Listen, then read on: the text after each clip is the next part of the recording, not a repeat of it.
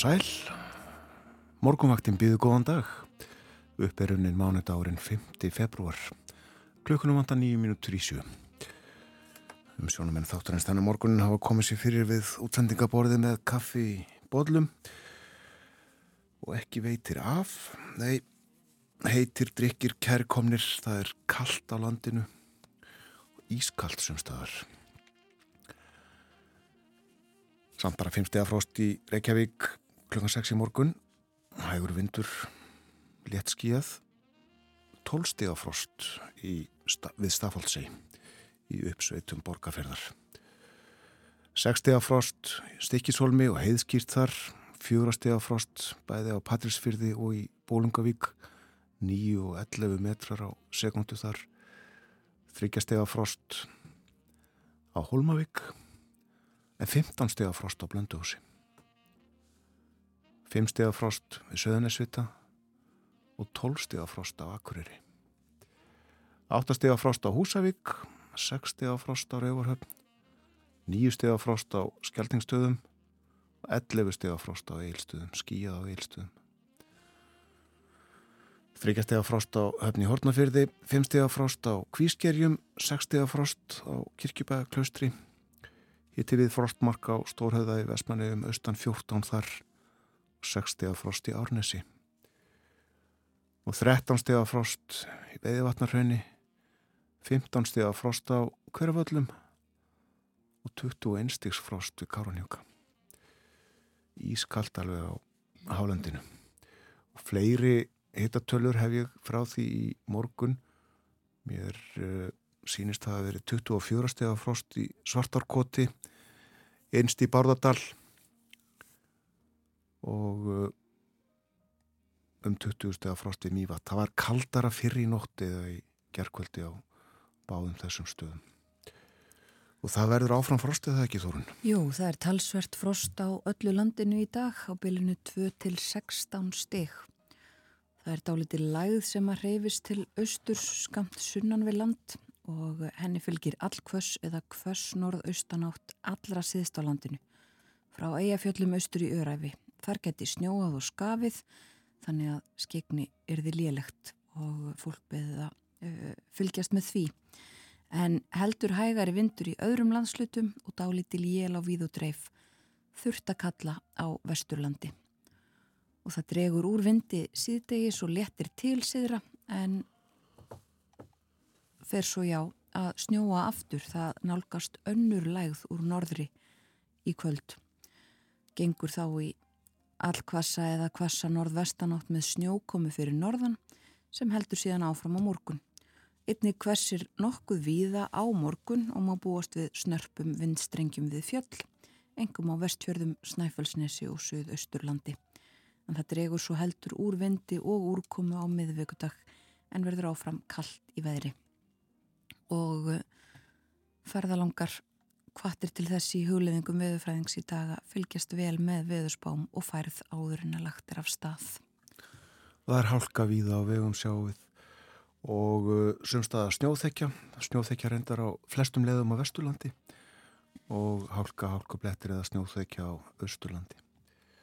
Hálka víða á Suðusturlandi og Suðurlandi snjóþekja á sumu vegum á Suðurlandi. Þetta eru þær upplýsingar sem eru komnar.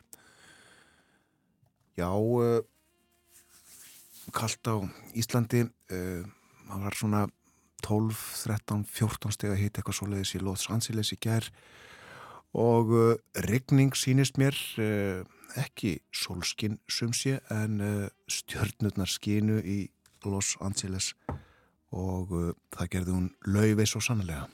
Já, Lauvei var þar á Grammy verðlunaháttíðinni og vann til verluna.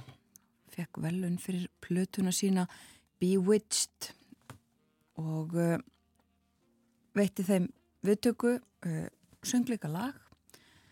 Við heyrum það kannski síðar, á, uh, síðar í þættinum lagið sem hún söng í gær en skulum heyra eitt lag og þau verða fleiri á morgumáttin í dag eftir Laufi Lín Jónsdóttur af þessari plötu Bewitched sem að hlaut Grammy-velunin í flokki hefðbundina söng pop platna.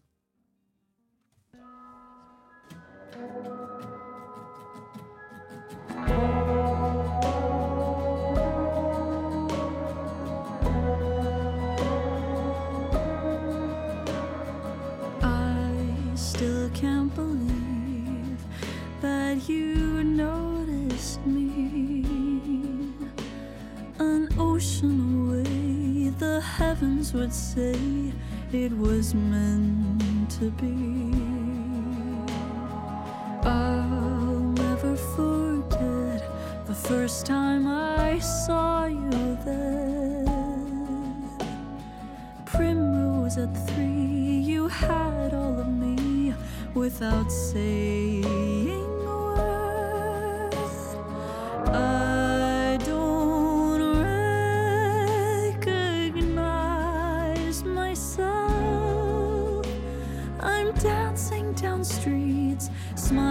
to strangers, idiotic things.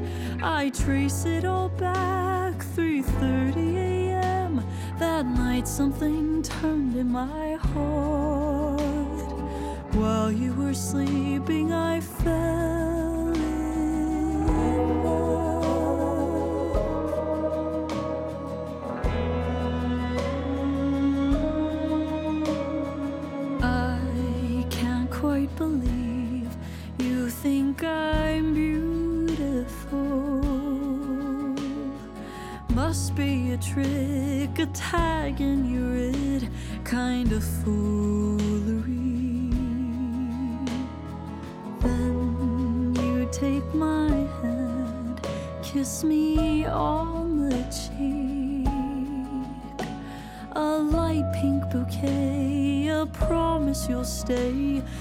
and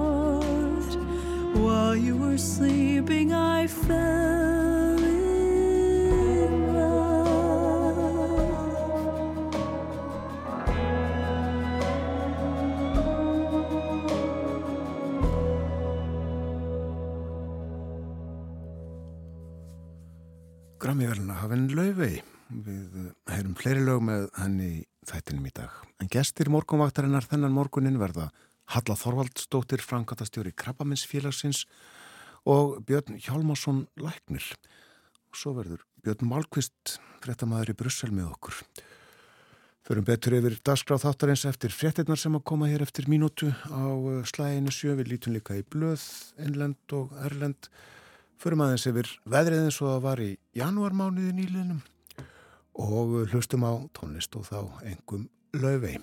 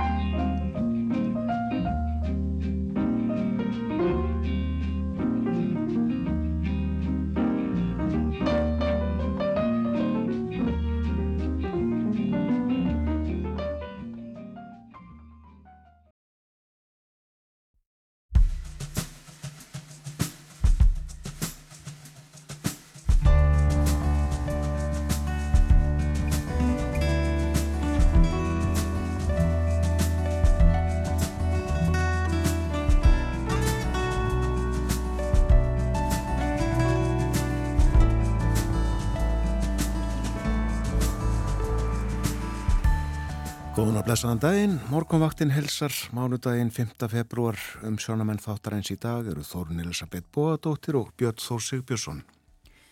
Vísbendingar eru um að ójöfnuður í tengslum við krabbaminn færist í aukana hér á landi. Til dæmis býr fólk sem hefur herra mentunastig og tekjur almennt við betri hilsu en þau sem hafa minni mentun og tekjur. Krabbaminsfélagið hefur ýmsar hugmyndur um það sem betur mætti fara og Halla Þorvaldsdóttir, framkvæmdastjóri félagsins, kemur til okkar upp úr klokkan halv åtta og ræðir þessi mál. Við viljum líka að tala um samfélagsmiðla í þettinum í dag. Þeir eru um margt ágættir en geta líka verið skadlegir. Það veit Mark Zuckerberger, forstjóri, Zuckerberg heitir hann, Zuckerberg, forstjóri Facebook og hann líka forstjóri fleiri miðla. Hann veit þetta líklega manna best og hann baðst á dögunum afsökunar á þeim skaða sem fólk hefur orðið fyrir þeirra völdum.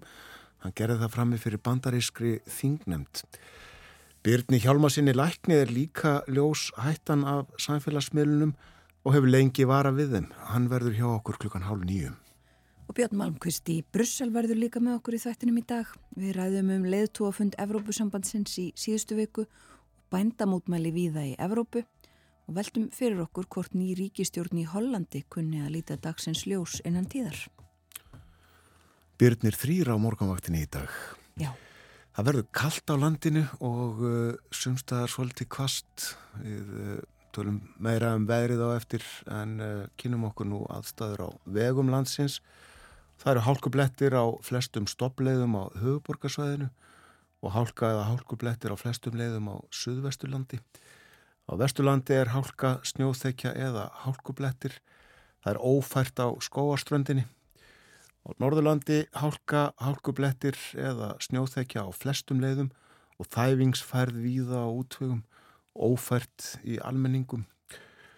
Og á Norðusturlandi hálka, snjóþekja eða hálkublettir, þæfingur á Rauvarhafnavegi, ófært á Dettifossvegi og Östurlandi er hálka, hálkublettir eða snjóþekja. Það er flughált í Breiðdal. Og uh, hálkublettir eða hálka á flestum leiðum á Suð-Östurlandi og snjóþekja víða á útvegum og uh, lýsingin fyrir vegi á Suðurlandi með sama hætti. Hálka, hálkublettir, snjóþekja. Þæfingurunar sem staðar þar. Nú, nú, við lítum í blöðin og uh, á forsýðunni má sjá blöðvegu sem að uh, tók við grammi verðlununum á uh, sviði í Los Angeles í gerð. Við leikum með henni lag hér áðan og heyrum fleiri lög með lögvegu á eftir. Nú, svo segir hér að raun Hermann er sína að raun hefði að öllum líkjendum flætt í ríkari mæli að byggð í Grindavíkubæ ef ekki hefði verið fyrir Varnagarða fleiri hús hefðu brunnið segir í fyrirsögn. Og það er fjallað um uh, nýja brú sem að uh, tilstendur að, að uh, reysa yfir fósvokk og segir að ekki hefði verið litið til verðs við valið á tillögu. Langdýrasta tillagan valin og uh, ég sé ekki betur en að uh, kostnæðurinn sé komin upp í rétt hæpa nýju miljardar og uh, verkið varla hafið. Og ferðamenn veigra sér við að koma til Íslands segir sér líka. Og ferðarþjónustan er farin að finna fyrir skamtíma áhrifum af eldsumbrótum í Grindavík og fréttaflutningi af þeim erlendis frá því í nógumber þetta segir Jóhannes Tór Skúlason formaður samtaka ferðarþjónustunar og fjallað nánarum þetta mál inn í blæðinu En uh, það er löfvei. Já, það er löfvei.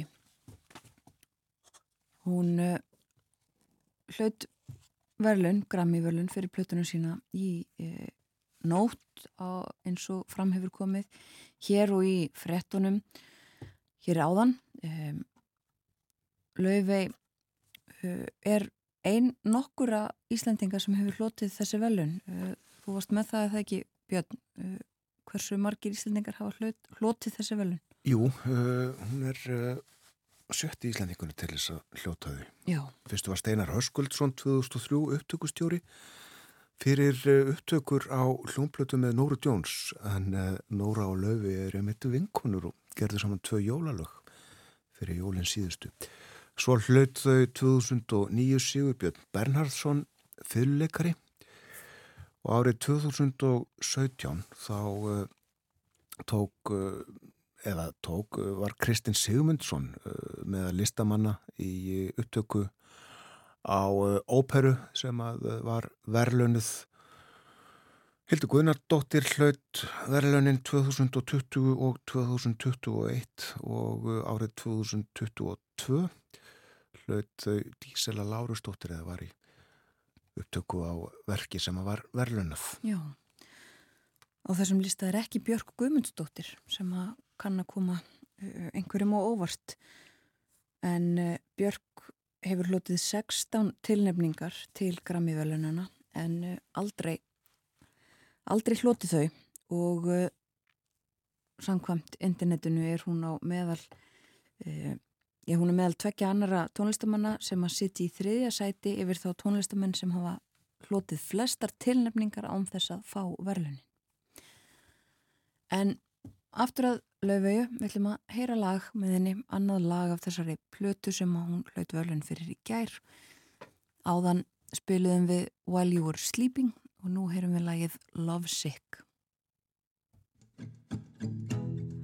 Floorboards creaking in my home, deathly silence when alone. Oh, I wish that you were here right now. So unlike me, somehow I fell in love in just three nights. Those November days still haunting me. When the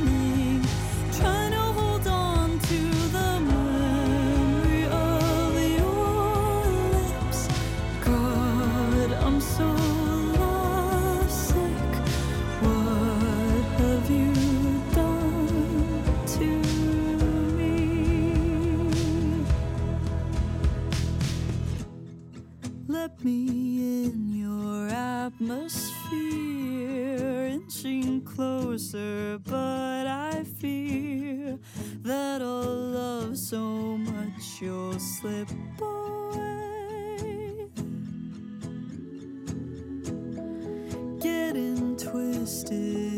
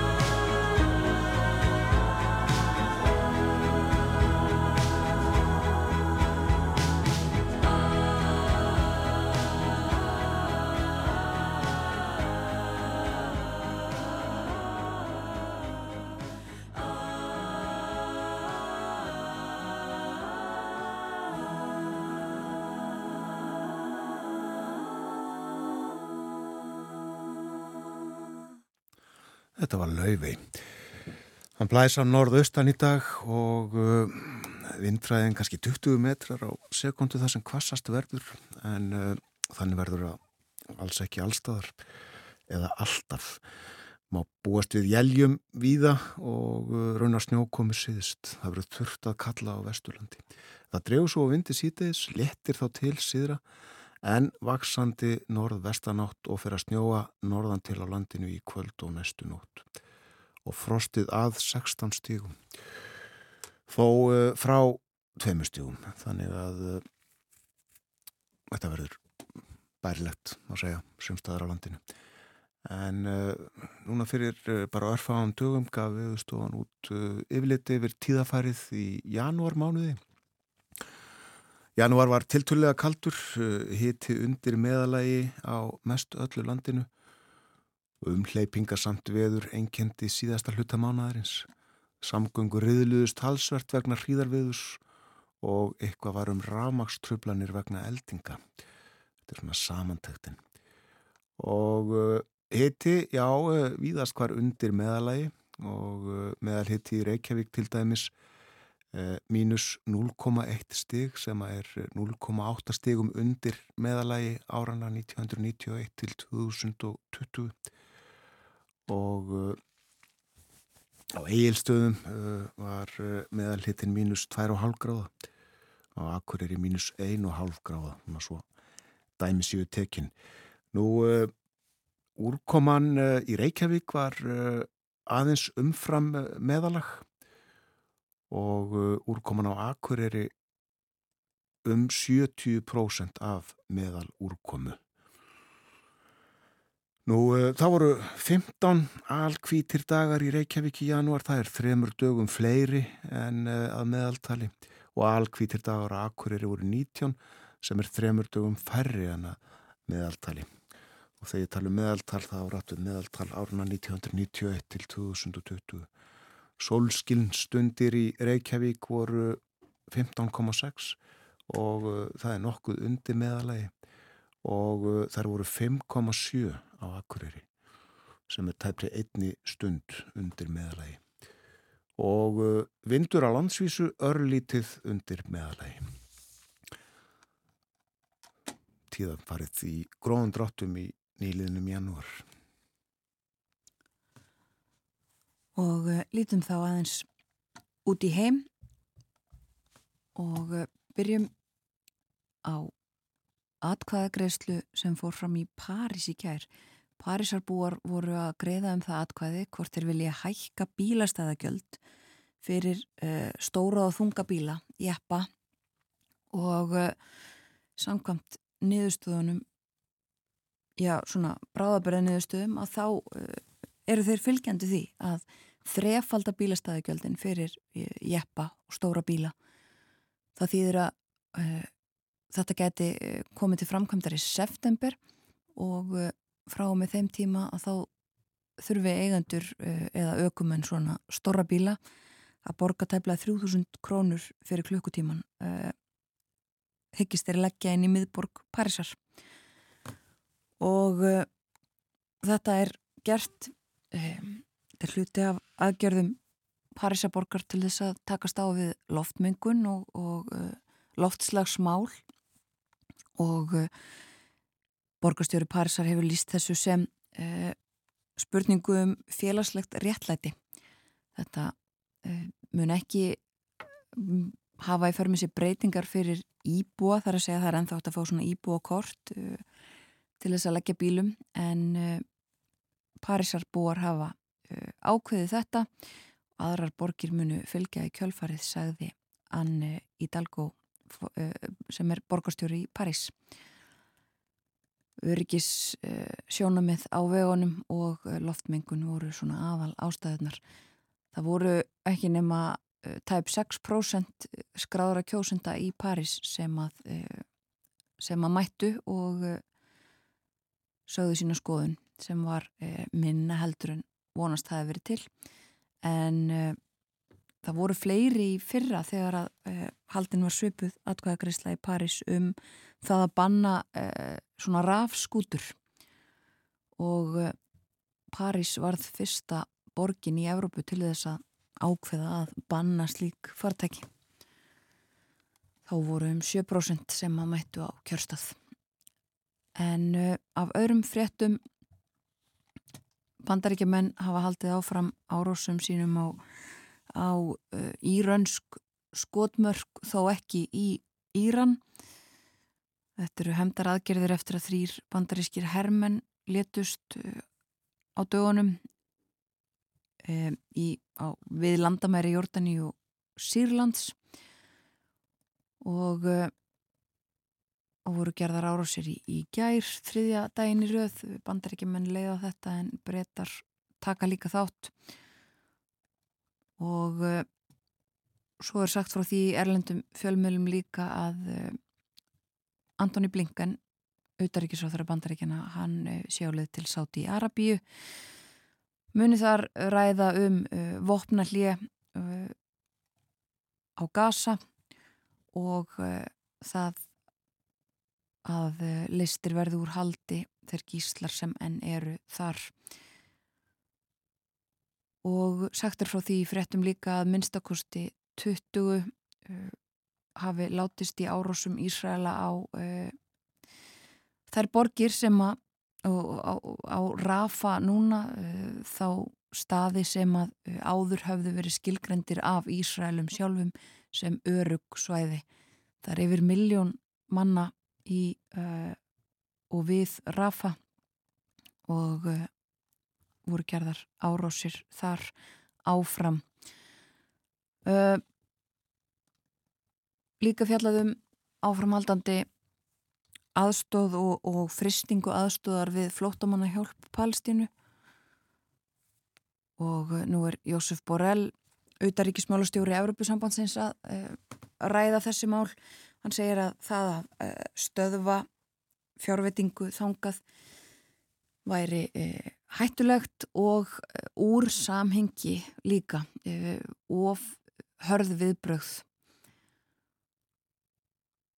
Þetta hefur verið gert Íslandingar meðal þeirra sem að hafa stöðvað aðstóð tímabundið eftir að sagt var frá því að grönu leki á að nokkri starfsmenn hefðu átt einhvern þátt í árosum Hamas á Ísrael í byrjun oktober. En uh, á fórsíðunni á Washington Post í bandaríkjónum er uh, fjallaðum það að, að öldugudeld bandaríkithings um, hún hafi sett saman pakka, það er mikið talað um pakka í alls konar málum uh, þessa dagana frumvarp er þetta nú held ég bara sem að verður lagt fram eftir margra mána uh, viðræður um uh, stöðumála og hvað eigi að gera á uh, landamærunum í söðri, uh, landamærunum við Mexiko. Rísastórt frumvarp upp á 118 miljardadala um, sem hefur verið til umfyllunar lengi og inn í þessu eru líka fjármögnun til Úkrænu, til Ísraels og fleiri staði en uh, hefur verið lengi umdelt en nú hafa sannsagt uh, eh, fulltrúar begja flokka í þinginu uh, komið sér saman um, um eitthvað einhvern pakka. Það er líka fjallað um Taylor Swift sem var ásamt laufauðu á Grammy-völununum í, í nótt setti þar met um, hún hlaut verlun og uh, hún er fyrsti tónlistamæðurinn sem að uh, vinnur verlun fyrir sagt, plötu ársins fjórunsinum og uh, hún uh, tilkynnti líka eina plötuna enn á sviðinu á uh, Grammy-veluna hátíðinni. Hvergin er í hætt? Hvergin er í hætt uh, heldur ótröð áfram. Kornum kona? Já, hún er það. Er það ekki? Uh, jú, hún er það. Uh, búin að vera lengi að uh, gefa út alls konar plötur og hvergin er hægt. Byrjaði bara sem úlingur held ég. Já, byrjaði í, í country tónlist svona mest sem úlingur og hefur svo fært sig meira yfir í popið. En eigum þá ekki bara að heyra annað lag af plötu lauvegar sem að hlaut velun í gær. Þetta lag er uh, titillag plötunar, Bewitched.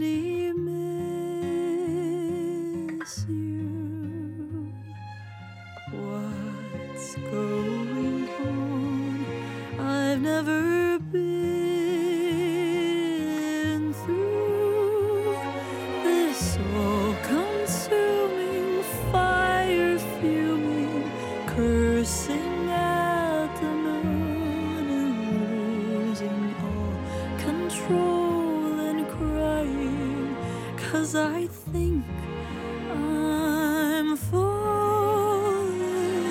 You bewitched me from the first time that you kissed me.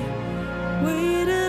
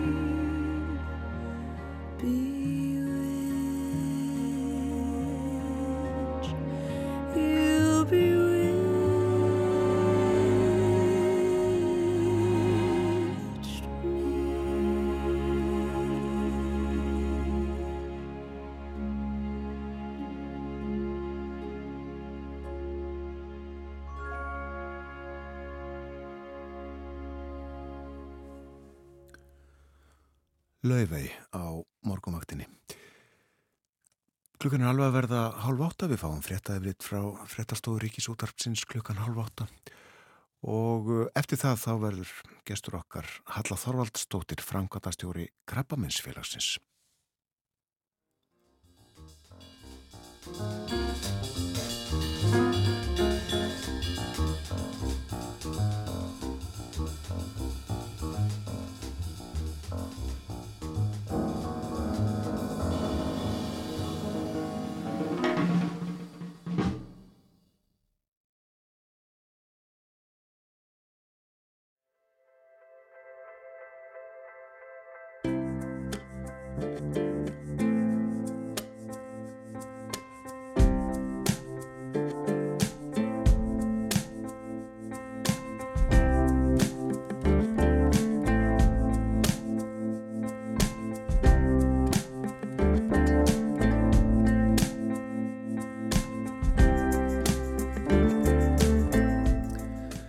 Sæl aftur, þetta er morgunvaktin á rás 1, klukkan núna réttliðlega hálf átta. Það er mánudagur í dag nývinnu vika hafinn, komin 5. februar. Og það verður kallt á landinu í dag, 16 steg af frost, það sem kaldast verður, en uh, þó alls ekki 16 steg af frost allstaðar, uh, þekkja steg af frost til dæmis sumstaðar, því segir í spáni fyrir daginn í dag og áfram verður kallt næstu daga, Frostið til dæmis að tíu stegum á morgun þrýðudag og uh, sveipað á miðugudag, kaldar á fymtudaginn, þá jafnvel 15 steg á frost og uh, á förstu dag þá er svo gert ráð fyrir harnandi frosti eins og segir í langtímaspáni. En dregur svo heldur úr frosti á lögadag en uh, aftur verður kallt og áfram á sunnudaginn. Þetta við spáum svona í gróðum dráttum og það er hálkað, hálkublettir víðast hvar á vegum og og einnig sumstaðar á göttum og ekki síst á gangstjöttum fólk hafi það í huga. Og uh, það verður uh, líka kvast sumstaðar vindræðin kannski að 15-20 metrum eitthvað svo leiðis nú uh, aðeins að alþingi þingfundur í dag herst klukkan þrjú og fyrsta dagskrá og undirbúin fyrirspurnatími En uh, svo þegar uh, klukkurum vantar stundafjórðung í fjögur fer fram sérstök umræða um almannavarnir og áfalla þól Íslands. Málsæfjandir Gíslira Ólafsson Pírati og uh, forsættisráð þeirra Katrin Jakobsdóttir til ansvara. Nú ég minni á að Björn Málkvist, fréttamaður okkar í Brussel verður með okkur hér á morgunvaktinni eftir morgun fréttinnar klukkan átta og uh, gestur okkar hálf nýju, uh, Björn Hjalmarsson Læknir, við ætlum að tala um samfélagsmiðla og uh, skadan sem að þeir geta valdið og hafa valdið. En Mark Zuckerberg, forstjóri Facebook og fleiri samfélagsmiðla, hann baðst á dögunum afsökunar á þeim skada sem að miðlatnir hafa valdið og þá ekki síst börnum. Meira en þetta á eftir. En í gær var alþjóðlegi krabbaminnstagurinn og uh, í ár eins og síðustu tvö ára var sjónum bent ekki síst að jöfnuði í uh, þessum málum, jöfnuði í krabbamins uh, meðferðum, greiningum og, og fleiru slíku. Við ætlum að tala um þessi mál, það eru vísbendingar um að það sé ekki alveg nógu góð staða þegar kemur á þessum jöfnuði hér á landi. Næstu mínuturnar uh, ætlum við að tala um þetta og fleira sem tengist þessum uh, til okkar er komin Halla Þorvaldsdóttir, framkvæmdastjóri Krabbaminsfélagin, vel, félagsins afsækið. Velkomin á morgunvaktina. Takk fyrir. Um, við þurfum eiginlega að byrja á að, að, að útskýra bara eins jöfnuð í helsu. Hvernig er hægt að segja jöfnuður ríki í helsu og, og hvernig er ekki?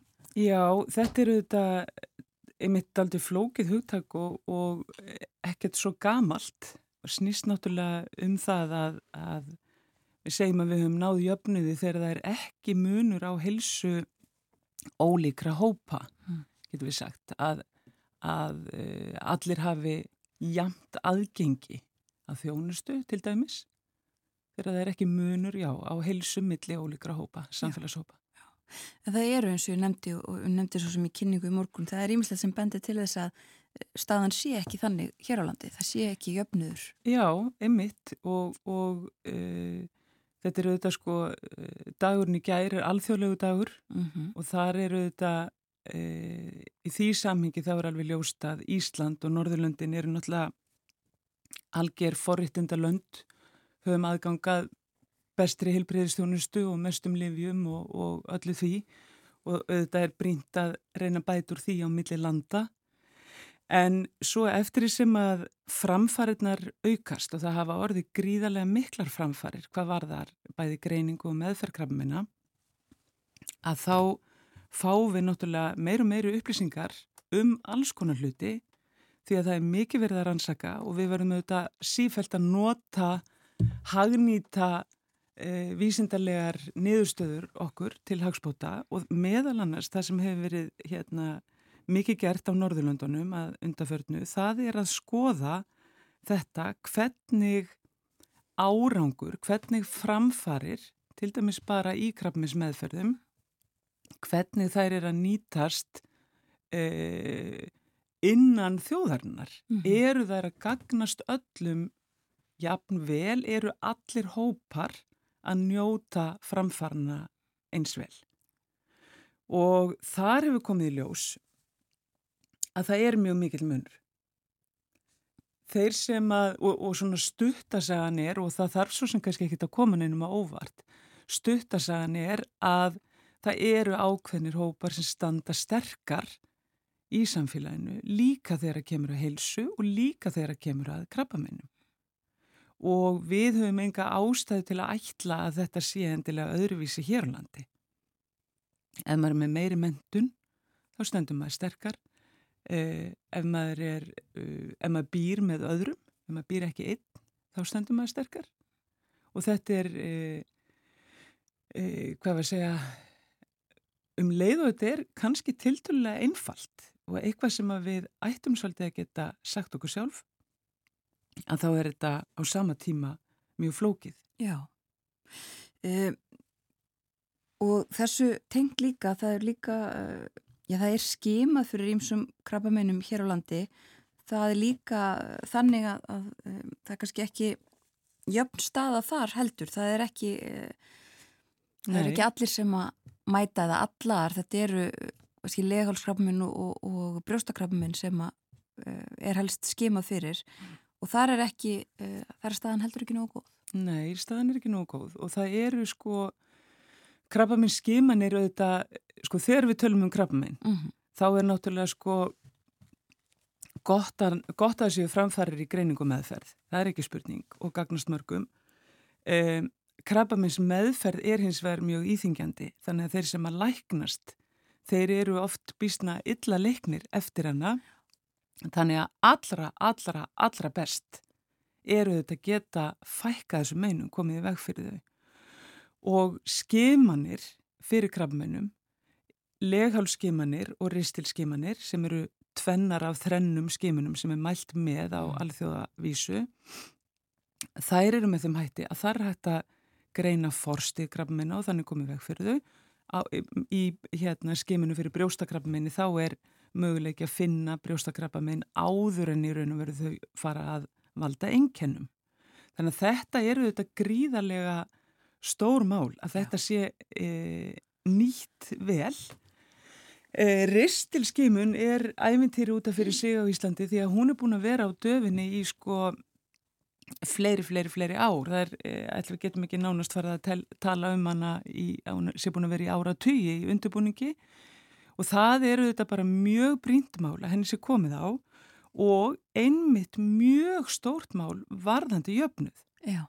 Því að sko meðvitund í samfélaginu er þokkaleg um það að þegar við erum 50 að þá væri skinsamlegt að fara í ristilspeiklun til að aðtuga með möguleg fórstíð krabbminna en það er mjög margt sem bendir til þess að það séu ekki allir þjóðfélagshópar sem eru jafnmeðvitaðir eða hafa sömu möguleika á að eh, fara í slíka speiklun. Nei, og meðan þetta er ekki, e, það er ekki svona skimun Ski, skipulög, já, já líðgrundu skimun þar sem að bara fólk fær bóð. Já, og þá er það bara þannig að fólk einmitt sem hefur, er meðvitað um þetta, það fer sjálft og það borgar fyrir það sjálft. Nákvæmlega, og, nákvæmlega, nákvæmlega. Þetta er að vísu niður greitt á sjúklartryggingum, reyndar, en, en, en þetta er svona, þetta er mjög gott dæmi um það að það er mjög líklegt á meðan þetta er svona að þá verði, eh, hvað við segja, að þá verði hópar út undan og ekkert já nú getur maður ekki fullirt neitt en það eru örgulega ekki, ekki síður líkur á að þeir hópar hefðu gagn af. Já, en veistu, ég bólar ekkit á þessu eins og þú sagðir það er búið að vera undirbúið þetta í mörg ár og, og stefna að þessu. Já og, og ég hef skrifað nokkrar greinar þar sem ég hef leist í að nú hilli undir, nú, nú stittist í mm -hmm. en, mhm. en hérna Ég held nú, ég held nú að síðar á þessu ári sé stemt að fara af stað. Já. Og það verður gríðarlegt framfara, framfara skref því að krabbamenni í Rísli og enda þar með það er eitt af þeim krabbamennum sem að er að fjölga mjög mikið og þar getum við raunverulega. Það er það sem er svo sárt í þessu. Það með svona skipilöðum aðgerðum þá getum við raunverulega komið í veg fyrir krabbaminn mm. Sem er það sem við ættum að einblýna á. En svo eru hýna skimanina líka, brjóstálega skimaninnar, að þar er þáttakan ekki nægilega góð og það er auðvitað bara mjög miður. Já, það er umhlað fórsöndu fyrir því að hægt sé að einmitt eins og þú segir, finna uh, fórstig eða, eða snemma, það er að það sé mætt. Já, já, já. Og þar höfum við vísbendingar um úr rannsóknum að uh, það sé verulegur munur á þáttöku uh, hvenna sem eru hvað var að segja, bara með íslenskan uppruna fættar hér og uppaldar og svo aftur hvenna sem að hafa erlendan bakgrunn. Og í norrætnir ansókn, samnorrætnir ansókn, að þá virtist þessi munur vera mestur hér á landi.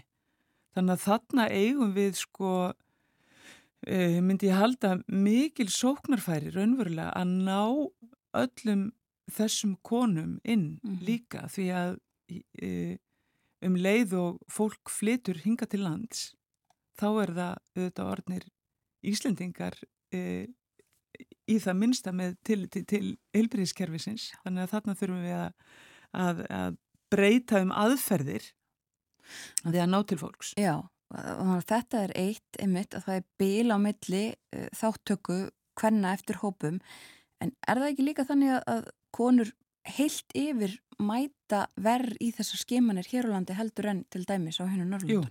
Jú, jú, jú.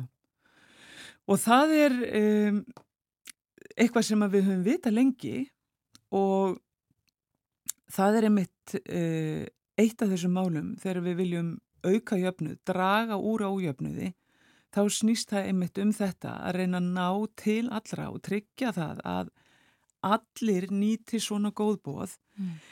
en við hefum kannski sopnað svolítið á verðinum hér að, að sko við bjóðum upp á þessar skeimanir til dæmis en við nýtum ekki sko, við nýtum okkur ekki allar leiðir til þess að e, þáttakan sé okkur konum sem að raunin er núna eins auðveld og hún gæti verið og, og e, við sáum það hjá Krabminsfélaginu sem að gerðum tilraun fyrir nokkrum árum að það að bjóða gjaldfrjálsaskimmun. Gerð, það gerði það verkum að það var ákveðin hópur sem sagði eina ástæðan fyrir því að ég let verða af þessu núna var af því það var frít. Um, Leghálskimmun er orðin nærið þjókjöpis, hún kostar bara 500 krónur á hilskjöslinu og það er gríðalega jákvægt. En brjóstaskimmun sem eru sangat á landsbytalanum, hún kostar yfir 5.000 krónur. Tíu sinnum meira. Já. Og það er svona eitthvað sem að manni já, það allavega blasi ekki alveg við skýringarnar á því, það er svolítið svona eins og bara einhver kerfislega villa, þú veist, computer says no það, að þetta er á landsbytalannu þá verður það að kosta. Það, þetta skiptir verulegu máli að, að, að skiminu sé þannig að allir getur öruglega tekið þátt. En svo erum við líka mjög eftir á í sko, hvað var að segja bara hvernig tímar eru bóðaðir Já, hvað? Að sko við fáum bara bref þar sem okkur er sagt að panta. Og það er hérna við um margar eða nokkrar aðtöðanir á því sem að sko benda til þess að, að uh, við fáum brefin og svo trössum við það að panta. Það er mjög margt sem bendir til þess að ef við fengjum sendan tíma ef þú fengi bara að vita þórun þú átt tíma á þriðdægin eftir viku Já klukka 9.45 það voru miklu meiri líkur á það myndi mæta Einmitt. þannig að þannig eru svona sko um, þannig eru svona atriði sem eru ekkit voðalega stór en þau geta skipt rosalega miklu máli. Og það er einlega þetta sem við þurfum að hafa í huga. Núna þegar við vitum að eins og ég segi framfærnar eru miklar, við erum að ná miklu meiri árangri. Og þá er það kannski þannig að við getum ekki sko, við þurfum ekki að vera að horfa á um, stóru, stóru myndina það er ekki risa stór atriði sem okkur vantar heldur þurfum við að fara að svona eins og ég orðaði að stundum að fín stilla í raun og veru allar skrúur, horfa á öll litlu atriðin, hvað er það, hvar getur við gert svo liti betur mm. sem að myndi skipta máli.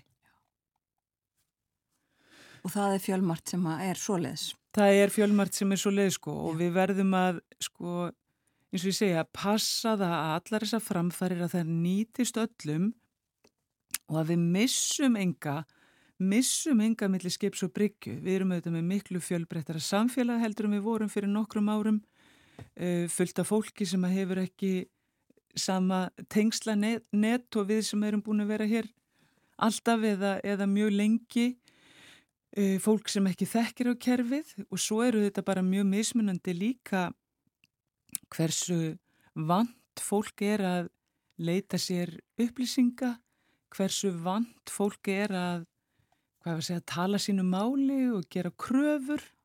Við þurfum í raun og veru hvar sem er e, litið, þá þurfum við að hugsa sko hvar þurfum við að gera kannski aðeins meira fyrir einhverja ákveðna til þess að þeir setja við sama borð og hinnir. Já.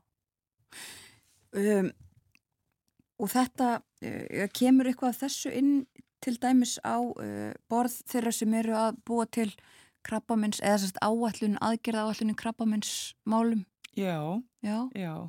Og í raun og veru, já, ég ætla rétt að vona það. Já. Þessi hópur er náttúrulega bara, hann er bara búin að funda einu sinni. Já, hann var settur á laginnar bara rétt fyrir ekki? Já, já, og náttúrulega mjög mikið fagnaðar efni því að sko uh, krabbameinum er að fjölga mjög mikið á næstunni, alveg gríðarlega og einna mest á Íslandi bara í uh, Evrópu. Já að, fyrst og fremst að því við erum að eldast mjög hrætt og svo er líka eins og ég sagði árangurinn er að batna stöðugt en það þýðir að við erum líka með stærri og stærri og stærri hóp fólk sem hefur fengið krabba minn lifir með það sem króniskan sjúkdóm eða læknað en þarf áframhaldandi meðferð eða aðstóð vegna fylgjikvilla þannig að við getum ekki bara setið og einhvern veginn beðið eftir að þetta gerist, við verðum að vera, verðum að vera tilbúin og til þess þurfum við að koma upp góðri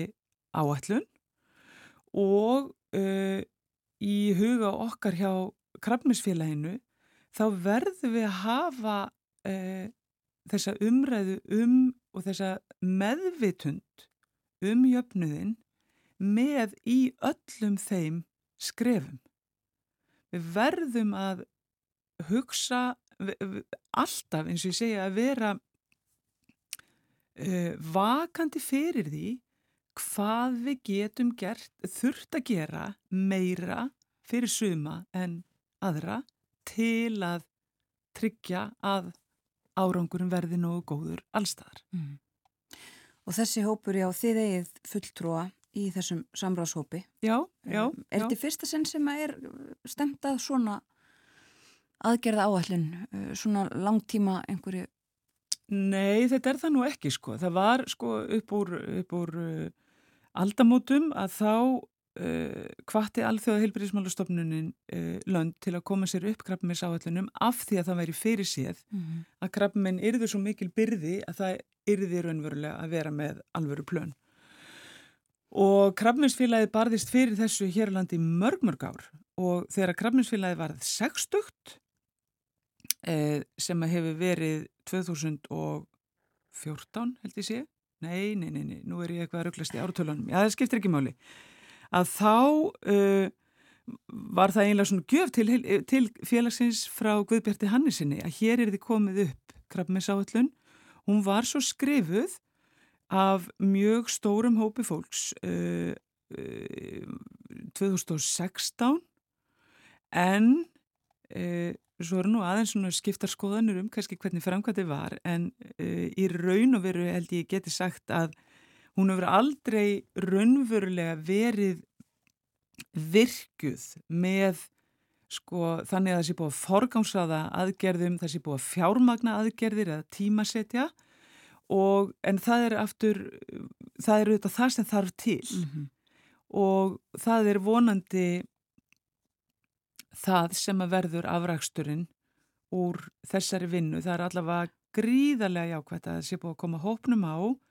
Heilbriðsráð þeirra hefur mikinn metnað og varðandi þetta þannig að vonandi verður, verður eh, einhver góð afurð komin inn til, til þingsins næsta haust og, og þá vona ég sannarlega að við förum að hafa miklu skýrari skref varðandi það hverju við stefnum að og hvernig við ætlum að ná því og einmitt þannig að allir njóti.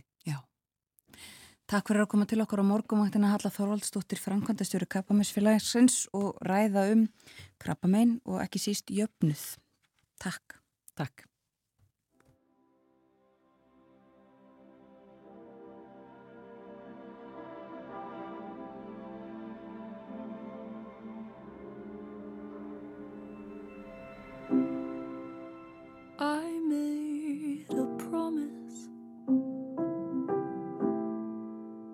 Distance myself.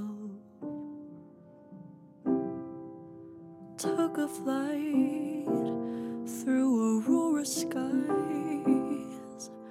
Honestly,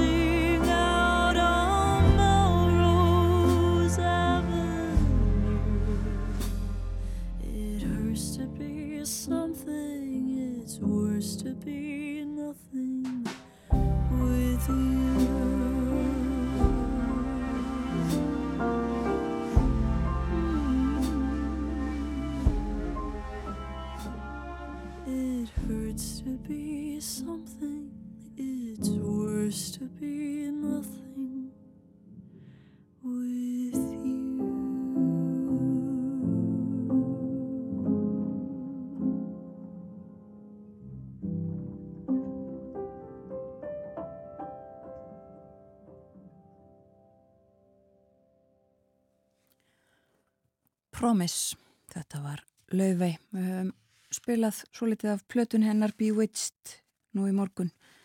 Hún hlut Grammy-velunin fyrir hana í gerkvöldi. En það líður að fréttum, morgun fréttir koma frá fréttastofunni á slæginu átta. Svo verðum við okkur Björn Malmqvist í Brussel.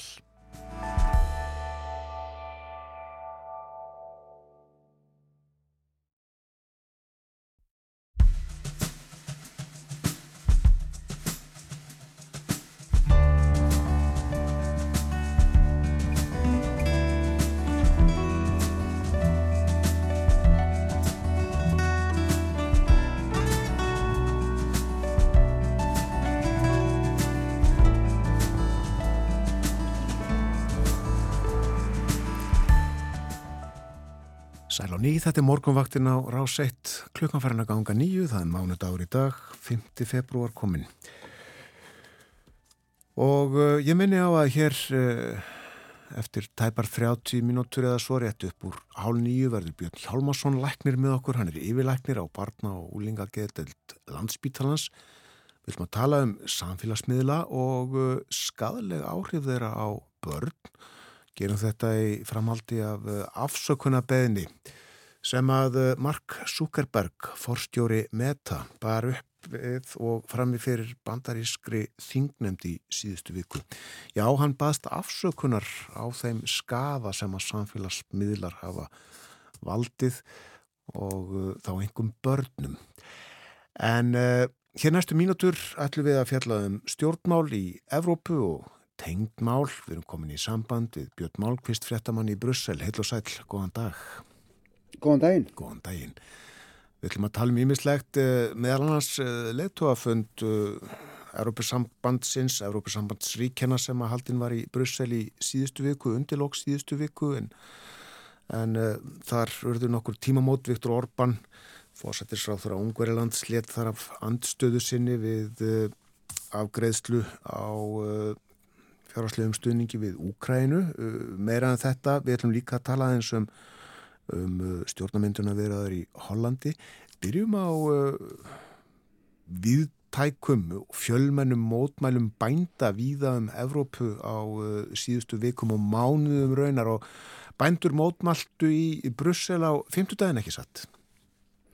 Jú, þeir uh, settu sér í stellingar hérna þegar að í aðdraganda leituafundarinn sem var haldin á fymtudaginn voru mættir hérna til Brussel nokkra, nokkra daga, uh, nok nokkrum dögum á undan og, og letu svo, uh, ég var að segja ófriðilega, hérna, uh, svo, svolítið á meðan á, á leituafundinum stóð þeir, þeir hérna hópuðust nýr á, á, á torg sem er ekkert langt frá uh, byggingu leituarásins, Luxemburgartorgið Uh, þar sem að kom til nokkru átaka millir þeirra og, og lögreglu, það voru rifin eða stitta á torkinu, það var borin, uh, þeir, þeir, þeir, þeir hérna, stöfluði heið þarna torkið og kveiktu í því og, og, og svona sóttu svolítið að uh, lögreglu sem stóð fyrir framann byggingu Evropaþingsins sem er hérna við torkið, það stendur hérna rétt á torkinu og þetta var, þetta var svolítið svona ábyrjandi í borginni fyrir utannáttlega sko alla þá tröflun á, á trafík sem, sem að var hérna í Brussel þegar nokkur þúsund traktorar uh, hérna rulluði hérna niður gödunar og,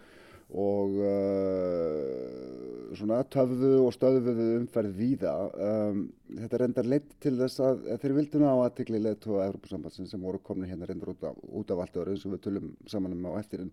En, en, en þeir, þeim tókst að ná aðtikli þeirra uh, og það endaði reynda með því að, að Emmanuel Macron fórseti Fraklands og, og Ursula von der Leyen fórseti Frankværtstjórnarinnar þau settust niður með fullrúum bænda hérna eftir letóafundin og, og áttu, áttu stuttan fund með þeim og eh, frakkar hafa síðan svona gefið eitthvað eftir hvað var það kröfur bænda þannig að þetta eru þannig að þeir, þeir náðu aðtikli og, og svona tókst að vissulega komast í fréttinnar en, en hérna og, og svona virtust hafa fengið eitthvað af sínum svona, já þeir fengu allavega hlustun já. á sína kröfur.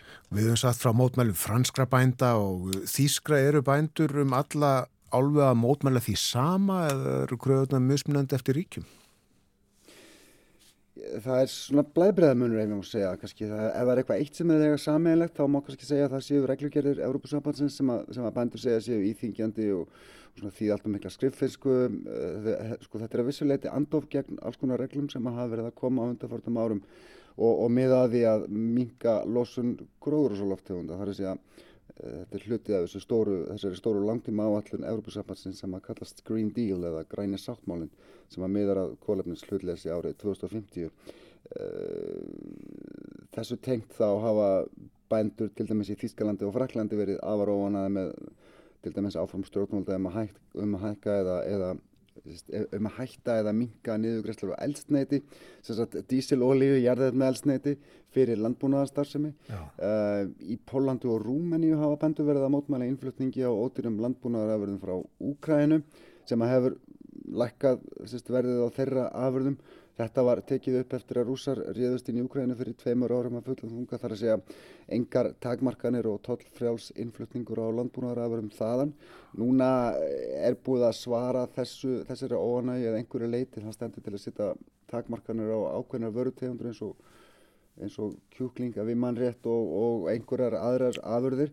Um, þannig að það er verið að svara þessum, þessum bændum að einhverju leiti Já, eins og ég segi. Já, og uh, bændu lengi uh, haft ágjör á tollamálunum. Frænski bændu núna, þeir uh, hafa einmitt verið ósátti við fríveslunarsamning sem að Európa-sambandi er, er að ljúka við að gera, er það ekki við uh, nokkur ríki í Suður Ameríku?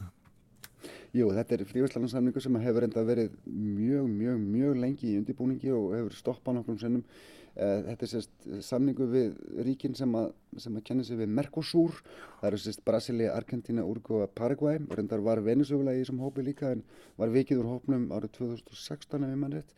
Þetta er eins og ég segi samlingur sem hefur verið lengi í smíðum og hann er nánast tilbúin eða hann var það allavega þangað til í síðustu viku þegar Macron, fraklandsfórseti, mætti hinga til Brussel og, og fekk frangotastjórnina til að taka sér pásu einlega í þessu samningagerði eða í rauninu undirskrift. Það var einlega daginn áður en einn af frangotastjórum í SB átt að fljúa til Brasilíu til að skrifa undir samningin. Bændur í Fraklandi hafa verið að gaggrina og reyndar víðar hafa verið að gaggrina að það standi til með þessum samningi að leifa innflutninga á landbúnaðafurum sem að sem eru kannski ekki seldar undir sömu reglur og, og vinnu aðferðir og þeir þurfa að vinna eftir hér í Európu og stjórnvöldi í París fjallust í rauninni á þessi sjónamið og, og eins og ég segi, Macron hann, hann bara, hann tóðst að stoppa þetta. Já, og Macron og aðrir eru vantanlega með allavega annað augað á pólitíkinni í þessu öllu saman. Það uh, líður jú að kostningunum til Evrópuþingsins. Jú, algjörlega. Uh, þetta eru mótmæli sem hafa vakið mjög miklu aðtekli hérna meginlandinu, skoðanakannanir í nokkrum ríkjum. Það var sínt að almenningur hefur bara talsveit mikla samúð með baráttabænda og, og svona hægri harlínuflokkar eins og í Fraklandi og Þýskalandi hafa lagst á sveif með bændum og, notað þetta sem hluti af sínum málflutningi kostningabaráttan fyrir þess, þessar þingkostningar uh, í júni er í rauninni komin í fullan gang.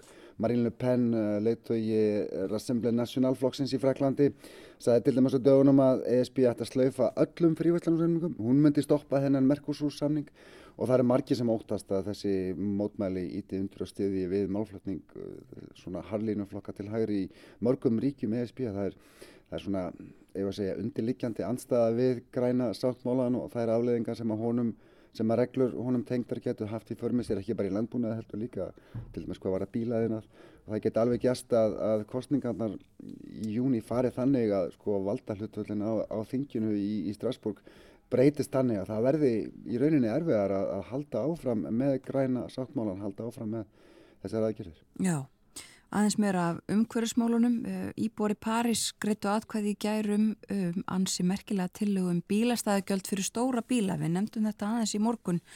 Uh, hvernig fór þetta svona í uh, stóru myndinni? Við sögum frá því að þetta var samþygt en, en uh, kannski aðeins svona nánar út í þetta. Já, þetta var samþygt, þetta var tillagasins sem Ann Íldalgó, uh, borgastjóri París að laði fyrir borgarbúa um að snarhækka held ég bara þrefald að bílastæðigjöld fyrir, fyrir stóra bíla, reyndar ekki fyrir íbúa inn í borginni heldur fólk sem að kemur það á stórum bílum úr útkverunum, þetta var, og eins og þú segir, þetta var samþygt með tiltvölulega naumum meira hluta 54% um eitthvað álega hins vegar þá tóku mjög fáir íbúar þátt í sér atkvæðagreyslu aðeins tefnilega 80.000 manns eða af þeim, þeim 1300.000 sem, sem að gátu greitt atkvæði. Þannig að niðurstaðan var, jú, þetta var samþygt en, en hérna en, en, eh, kannski ekki alveg eins afgerandi eins og Íldalgo vildi vera að láta eftir að, eftir að þetta var ljóst í gerð, hún talaði um skýra niðurstöðu, ég veit ekki alveg hvort við getum talað um skýra niðurstöðu þegar kostningaþáttan er, sko þáttakan er hvað rétt rúmlega 5%. Með mitt. Tölum þá en leðtóaföndin í Brussel í síðustu viku. Hann var uh, merkilegu fyrir þess aðkýra uh, eh, Viktor Orbán, fórsættir sáþur á Ungverðlands. Hann uh, þurfti að gefa eftir og hann hafði verið í anstuð við leðtóa allra hinnar ríkjana, er það ekki? Það var, það var 26 á móti einum. 26 á móti einum, jú, það var eiginlega rétt. Orban var í þeirri stöðu komandi á leituafundin að hann hafði semst í, í síðasta mánuði í rauninni beitt neitunarvaldi á, á þennan reysastóra fjárhagstöðningspakka langtíma fjárhagstöðning sem að, sem að Evrópsambandið vildi láta Úkræna hafa til næstu fjögur ára. Uh, lán og styrkir upp á um 50 miljardar evra svona til þess að, að, að ríkiskerfið í Úkrænu heldi heldist á, á floti á sama tíma þegar þeir eru í rauninni í, í stríði gegn, gegn rúsum.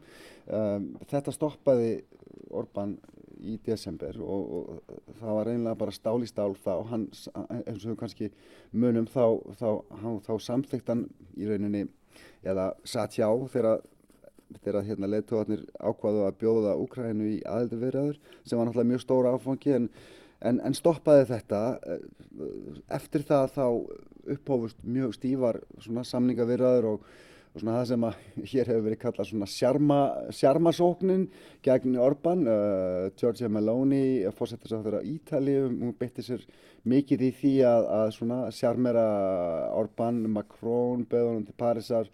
Það voru alls konar tillögur lagðar fram, Orban vildi um tíma sko skipta þessu upp í fjóra pakka til þess að sem hann geti þá vantilega sko ráðið um á hverju ári. Eh, það tóku leðtóðan ekki mál.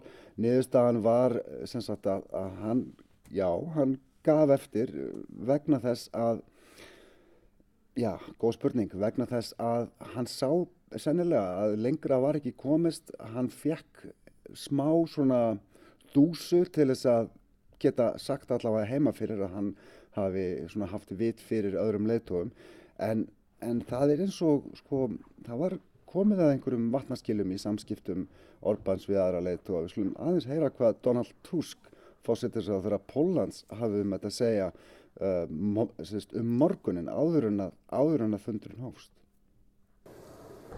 There is no problem with so-called you know, Ukraine fatigue for sure. We have Orban fatigue now. And there is no room for compromise on our principles like rule of law, and for sure there's no room for compromise on Ukraine question. It's, and this is why what we can offer to Viktor Orban, as always, it's uh, to treat him fair, according to our rules and procedures, and nothing else. Já, það er sérst komin Orban freyta í Brussel, sagði, mm. sagði Donald Tusk, uh, nýr fórsettisráð fyrir uh, Pólans, uh, kannski vel að merkja að, að sagt, fyrirverandi stjórnvöld í Pólandi voru náttúrulega miklu bandamenn Orbans, uh, náttúrulega, snart breytist sent á síðast ári þegar, þegar Tusk tók við og, og ný stjórn í Pólandi. Þannig að Orban var alltaf svona kannski frekar einangraður en átti bandamenn til dæmis í Pólandi en er eiginlega orðið mjög einangraði núna og, og, og, og það er kannski einn ástæðan fyrir því að hann gaf eftir. Um, Hann hefur auðvitað með eh, andstöðu við mál eh, reynd margsinir það er gerin að ná einhverju sérstöku fram fyrir sig. Jú, hann hefur gert það mjög mikið og það er endar sko ESB var ásakað um það í síðasta mánuði að hafa stungið upp í hann dúsu til þess að hann samþekti eða allavega sæti hjá hvað var það sko aðelduverðarnar uh, þetta snýst, þetta voru alltaf snúist um það sama hluti, það eru miljardar evra í, í sko styrki sem að ESB hefur í rauninni haldið tilbaka uh, gagvart umhverjalandi vegna deilna um réttarfarum, deilna um stöðu fjöl, uh, fjölmiðla í, í, hérna, í umhverjalandi uh, svona réttar svona, mm, já þeir þykja Ungverðarland þykir hafa svona svolítið verið að, að færast frá eða að segja svona, að svona almennum við, viðmiðum Európa-sambandsins um, um líðræði og, og þetta sko og það var svolítið verið að spá í það núna í síðustu viku hvort að veist, einhver svona hrossakaup myndu verða gerð til þess að Orbán samþekti þetta. Uh, von der Leyen uh, fórsetið Frankvæmstöðarna sagði þvert nei og það sama sagði reyndar Emmanuel Macron efter, efter fundina á femtudaginn. Et la Hongrie n'a pas eu de cadeau, mais elle a simplement eu la garantie que l'approche qui serait faite à son égard, elle serait non discriminatoire. Les règles sont claires et les règles, on les a d'ailleurs définies en 2020. Et nous l'avons rappelé dans les textes du Conseil. Et donc il n'y a pas d'arbitraire derrière. Et derrière ça, que ce sera proportionné. Já, sem sagt að, að Macron sagði, sagði, sagði að, að hérna, ungverjar hefðu ekki fengið neinar gjafir, uh, þeir hefðu bara fengið lofar fyrir því að, að, þeir eru sagt að, að þeir eru, það eru komið fram við á samkvæmt lögum og, og reglum Európusambandsins. Reglurnar væru mjög skýrar, þær hefðu verið uh, skilgrendar uh, fyrir nokkrum árum og, og þær voru reyndar endurtegnar í yfirlýsingu fundarins uh, á, á femtu daginn. Uh, þær eru í samræmi við, við ástæðuna, sagði Makrón og þetta er í rauninu það sem að sko letuvatni sögðu Orban. Uh, við ætlum ekki að gera einan að greiða en við ætlum heldur ekki að koma fram við þið eins og eh, veist á einhvern óréttlátan hátt. Og það var kannski það sem að það var kannski það og, og það var og það var kannski það eina sem að, sem að Orban fekk út úr þessu. Og það var, það var þetta. Já, fyrst við erum að tala um Orban uh, hann gaf eftir með uh, Úkrænu og Európusambandið en hann stendur enn í stappi við svíjar það ekki um engangu þeirra í allansafsbandalegið Jú, það er annars lagur sem Orban stendur í þessu dagana í svipari aðstöðu og, og gagvart Europasambandinu í þeim skilningi hann er núna einna móti 30 öðrum leitugum aðaldaríkja NATO. Tyrkir náttúrulega eru búin að staðfesta að gera það í síðasta mánuði, einhverjum svíja eftir, eftir mikið ströggl svíja við Tyrki og svona áskura samningar sem voru gerðir á bakvið, til dæmis við bandarækjumenn. Ungverjar sögðu ítrekka í þessu ferðlega, þeir eru ekki síðasta aldi þjóðan til þess að samþykja svíja, en þeir eru það núna. Mm. Orban uh, spilaði út einhvers konar bóði eftir að Tyrki samþyktu þá spilaði hann út einhvers, einhvers konar bóði til Ulf Kristesson, þeirra svíja um að koma til Budapest og semja á einhvern nátt um staðfestingu ungverja. Svíjar gáfu lítið fyrir það, sögðu ekkert til að semja um. Eh, þeir, þeir Orban og, og, og Kristiðsson hittust að vísu stuttlega hérna í Brussel í síðustu viku. Það eru óstaðfesta fréttir um að Kristiðsson hafi þegi bóðum að koma til, til Budapest eftir að ungverðar hafa staðfest. Uh, ekkert áður. Hann, hérna, hann er ekkert í skapi fyrir, fyrir neina viðræði við Orban um þetta. Ungverðska þingi kemur ekki saman fyrir 27. februar og Ég held að það gerist valla mikið fyrir þann tíma hvað þessa staðfestingu varðar en hún verður staðfest, þessi inganga verður staðfest á endanum. Það er, þetta er bara spurningum einhverjar, einhverjar vikur. Myndi ég, ég, ég myndi giska á, það er held ég, ef ég man rétt uh, fundur útækis á þeirra uh, NATO í næsta mánuði, uh, mér kemur það ekkert óvart og það, það er þessi myndi gerast fyrir þann tíma. Emitt. Og rétt í lokin, Björn, við myndumst aðeins á uppgang hægri flokka í Evrópu áðan og þá leiði maður hugana Hollandi. Hvað er að frétta þaðan þar sem að harðlínumadurinn Hert Wilders og hans frelsisflokkur unnu stórsigur í kostningunum í november? Jú, það eru tveir hálfum mánuður fyrir kostningunum. Það hafa verið verið í fullum gangi millir frelsisflokks Wilders Eh, frjálslenda þjóðaflokksins sem er, er flokkur fyrirvörandi eða nú eðstist sko, starfandi fórsettisáþara Mark Rúti og, og flokk sem að kallast nýr samfélagsáttmáli. Uh, þessir tveir flokkar voru í upphafi mjög hikandi við að ganga til viðrannu við vildi sem að hann hefur auðvitað mikið uh, reykið mjög harða hægri stefnu í mörg ár, verið uppsegja við innflytjandur og múslima til dæmis. Uh, vildi strót talsvert í land með sumt af þessu í kostningabarátunni til þess að svona, verða aðeins til að auka kjörflokka sinn og það hefur sennilega hjálpað til þess að viðraður hófust. Hann var náttúrulega sigurveri kostningana og, og hans flokkur er reynda núna að mælast með enn meira fylgin í kostningunum. Það, sko, það hafa ekki verið einar stóra frettir að þessum viðraðum. Það hafa ljóslega ekki gengið upp en þá að fullu leiti. Það er núna verið að deilum ríkisfjármál Uh, niðurskurð sem að Wilders er ekkert rosalega hrifin af samkvæmt allavega því sem hann hefur verið að tjásu um á Twitter eða á X. Uh, þessi þrýrflokkar hafa fram í miðan þennan mánu til að ná saman. Ef að það gengur ekki upp þá verður leitað nýjum hópi flokka til að uh, hópi sérst, flokka til að hefi viðræður. Við slumum ekki gleyma því heldur að það tók næstum tíu mánuði eftir síðustu kostningar eftir síðustu kostningar að mynda stjórn, hollendingar eru ekkert að drífa sig þessu þannig að Mark Rutte er ennþá fósettisáþara starfandi og hann verður það næstu mánuðin að gera þér á fyrir. Við skulum bara fylgjast með þessu áfram. Við gerum það. Takk fyrir spjallið í dag Björn Malmqvist, frettamæður í Brussel. Takk fyrir mig. Og uh, nefnum þá að við ráðgerum frekari umfjöldunum Ungveriland og Orban hér á morgunvaktinni síðar í vikunni. Nú aðeins að uh, alþingi uh, nefndu það uh, hér fyrir morgun að þingfundur verður klukkan þrjú og á honum fer fram sérstök umræða um almannavarnir og áfallað þól Íslands. Það er Gísli Ratn Ólafsson, þingmaður Pirata sem að fer fram á þessa umræðu og er málshefjandi og Katrín Jakobsdóttir fósættisráþra til ansvara. Annars eru fjölmarkir þingmenn í útlöndum, góðu slatt í Svíþjóð þar sem að fundaðir á vegum nefnda og flokka hópa Norðurlandaráðs og einhverjir alþingismenn líka vestur í bandaríkunum. En á fundi stjórnskipunar og eftirlitsnemdar þingsins í dag þá verður meðal annars fjallaðum nýja skýslu, nýja stjórnsýslu úttækt á eftirliti matvælastofnunar með velferð búfjór stjórnsýslu úttækt ríkisendurskoðunar.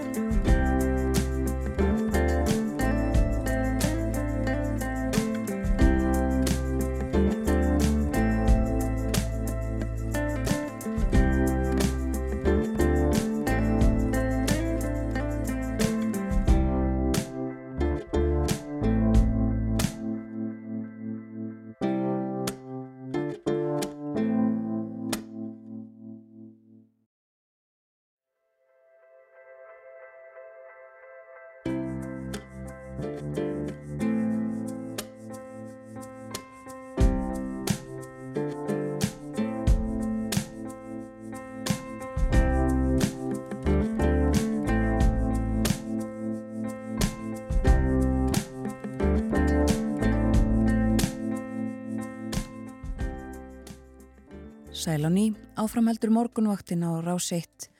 Klukkanarðin liðlega hálf nýju þannan mánudags morgun. Það er 5. februar í dag. Og við lítum aðeins til veðurs. Það er eh, norðaustan átt, 8 til 15 metrar á sekundu og dálítil jél á við og dreif í dag. En kvassara, eh, 13 til 20 metrar á sekundu og sumstöðar snjó koma siðst á landinu. Þurftakalla á Vesturlandi. Það dregur úr vindi síðdegis og letir til síðra en vaksandi norðvestanátt og fer að snjóa norðan til í kvöld og nótt. Og kallt á landinu frostið á bylnu 2 til 16 steg í dag. Á morgun áfram eh, kvast nokkuð, norðan og norðvestan 10 til 18 metrar á sekundu, víða snjókuma eða jél. Það verður kvassast í vindstrengjum við fjöll. Úrkomu lítið siðra og dregur svo úr vindi og úrkomu annað kvöld. Og mingandi frost segir á uh, þriðudag en aftur kólnandi veður á miðvíkudag þó að þá drægi nú úr vindi og úrkomu. Og uh, það borgar sig að skoða vel, fylgjast vel með uh, færðinni, bæði segir viðstofan að það séu líkur á versnandi færð. Og svo eru hálkublettir og hálka mjög víða um landið, vetrarfærð um landið allt. Við vorum í Brussel hér fyrir uh, frettæfilitið, það rættum við Björn Malmqvist um ímis málefni sem að tengjast Evrópusambandinu ekki síst, Evrópu og uh, Evrópusambandinu. En uh, nú þá ætlum við, já, að hluta til Vesturumhaf. Já, eh, við ætlum að tala um samfélagsmiðla en í síðustu viku gerðist það að eh, Mark Zuckerberg, forstjóri Meta, Meta er móðufélag Facebook og fleiri samfélagsmiðla, hann sér að baðst afsökunar á þeim skada sem fólk hefur orðið fyrir af völdum samfélagsmiðlana og eh, hann talaði einhverjum um börn í því sambandi og hann gerði þetta frammi fyrir bandarískri þingnemt. Þetta er uh, nokkuð merkilegt og uh, vakti vitaskuld talsverða aðtikli. Hjá okkur er Björn Hjálmarsson, hann er yfirleiknir á barna úlinga geðdeillanspítalans og uh, hann hefur lengi talað um samfélagsmiðluna og skafan sem þeir geta valdi. Velkomin til okkar Björn. Já, takk fyrir það. Þetta hefur vantarlega vakið þína aðtikli, þessi orðu yfirlýsing Marx. Jú, ég dáist að hugra ekki hans og kærleika kakvart þessari þing öldungadeildar, þessari nefnd eh, öldungadeildar bandaríkjathings og þetta fekk mig til að hugsa sko hvað getur við gert til að hámarka gagsemina af samfélagsmiðlunum og lámarka skaðsemina? Tölum um skaðsemina, uh, sko við hvað er átt nákvæmlega þegar talað um skaða og uh, þegar Mark Zuckerberg byrst afsökunar á þeim skaða sem að fólk hefur orðið fyrir að völdu samfélagsmiðlun? Jú sko, hans eigin miðlar, Facebook, þeir hafa gert rannsóknir á samfélagsmiðlanótkun barna og úlinga og þeir hafa komist að því að yfirdrifi nótkun á þessum samfélagsmiðlum hefur slæm áhrif á líðan og sjálfsmynd ungra barna og það sem við erum að sjá líka að þessi stórkostlega tæknibilding, svona upplýsingabildingin, hún hefur gríðarlega kosti för með sér en mikla vakstarverki. Það sem við vitum að eftir því sem skjánótkun barna eikst að þá uh, getur námsárangri farðan higna.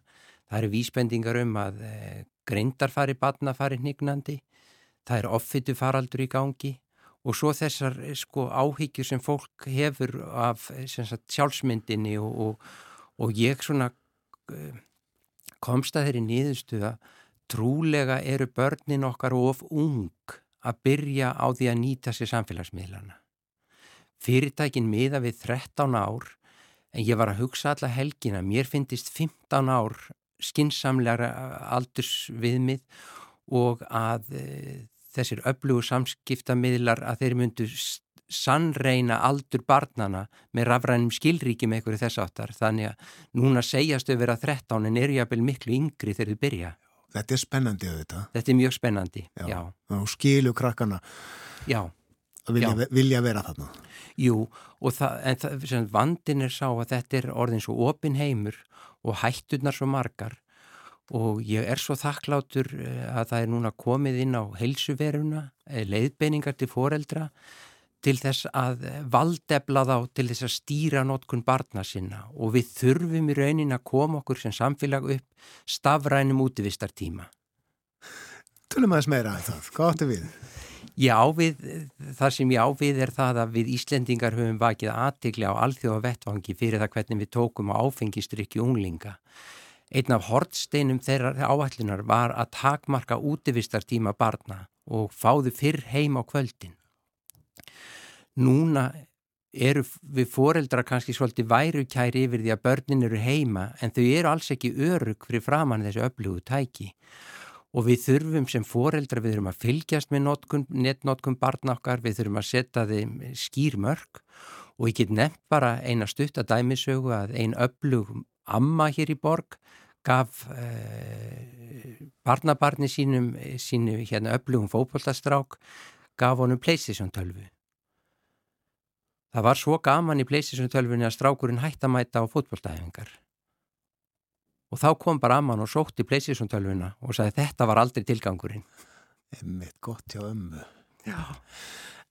En uh, með þessar hættur sem þú ert að tala um að þá erum við ekki bara uh, að tala um að hættur af því að, að það séu kannski einhverjir óþokkar á hinum endanum í hinnintölunni er en að lokka krakkana til sín eða tælaðu og plataðu til þess að gera eitthvað. Það er bara alls konar efni sem að, sem að uh, er þannig að, að börn, fólk á öllum aldrei svo svona ánetjast því. Já og það, það sem sko, það má segja sko, sjónvarpið hefur náttúrulega verið með þá stefnu áratugum saman að takmarka aðgang viðkamra barna að, að erfiðu efni og, og, og, og það er eins og þessi aldursmörk á netinu hafa algjörlega þurkast út og þau hafa aðganga, óheftan aðganga, klámi, ofbeldi og bara skadilegu efni og þarna ég held að Mark Sökkenberg hans er meðalans að byggast afsökunar á því að eh, samskiptamiðlarnir hafi ekki verið nú duglir að takmarka aðgang barna að þessu erfiða efni. Er uh, netfíkn uh, raunveruleg? Við sjáum það já og, og þeir sem eru svart sínastir þeir segja að uh, netfíkn eða alvarlegu netávanni verði einfallega faraldur 21. aldarinnar og það eru margar rannsóknir sérstaklega frá Östurlöndum fjær sem sína að e, þessi frábæra tækni, hún hefur þann ókost að geta verið ávanabindandi og þessi ávanabinding við sjáum þetta líka hjá börnunum e, það er að koma núna upp svona erfiðmál skólaforðunar þar sem að barn er bara nánast allan sólaringin í þessum miðlum nema þegar það er sofandi, hættir að mæti í skólan og allir hafa miklar áhyggjur á barninu. En það sem er svo einkennilegt við þessi börn og, og rauninni fullorðið fólk sem ánættis þessari tækni, hvort sem það eru tölvuleikir að samskiptameilanir, fólkinu sjálfu finnst allt í heimna lægi og það vill jáfnvel enga hjálp, það vill bara hafa hlutin eins og þeir eru. Og þetta fyrirbæri kallað hikikomori á japanskunni sem er bara einn eilífa bernska því þegar maður er komin á þennan stað að, að, að samskiptamiljarnir eða tölvuleikinir hafi tekið stjórn í okkar lífi þá hættir maður að dapna og þroskast. Þá situr maður fastur eins og gerist um rauninni allar fíknir. Mm.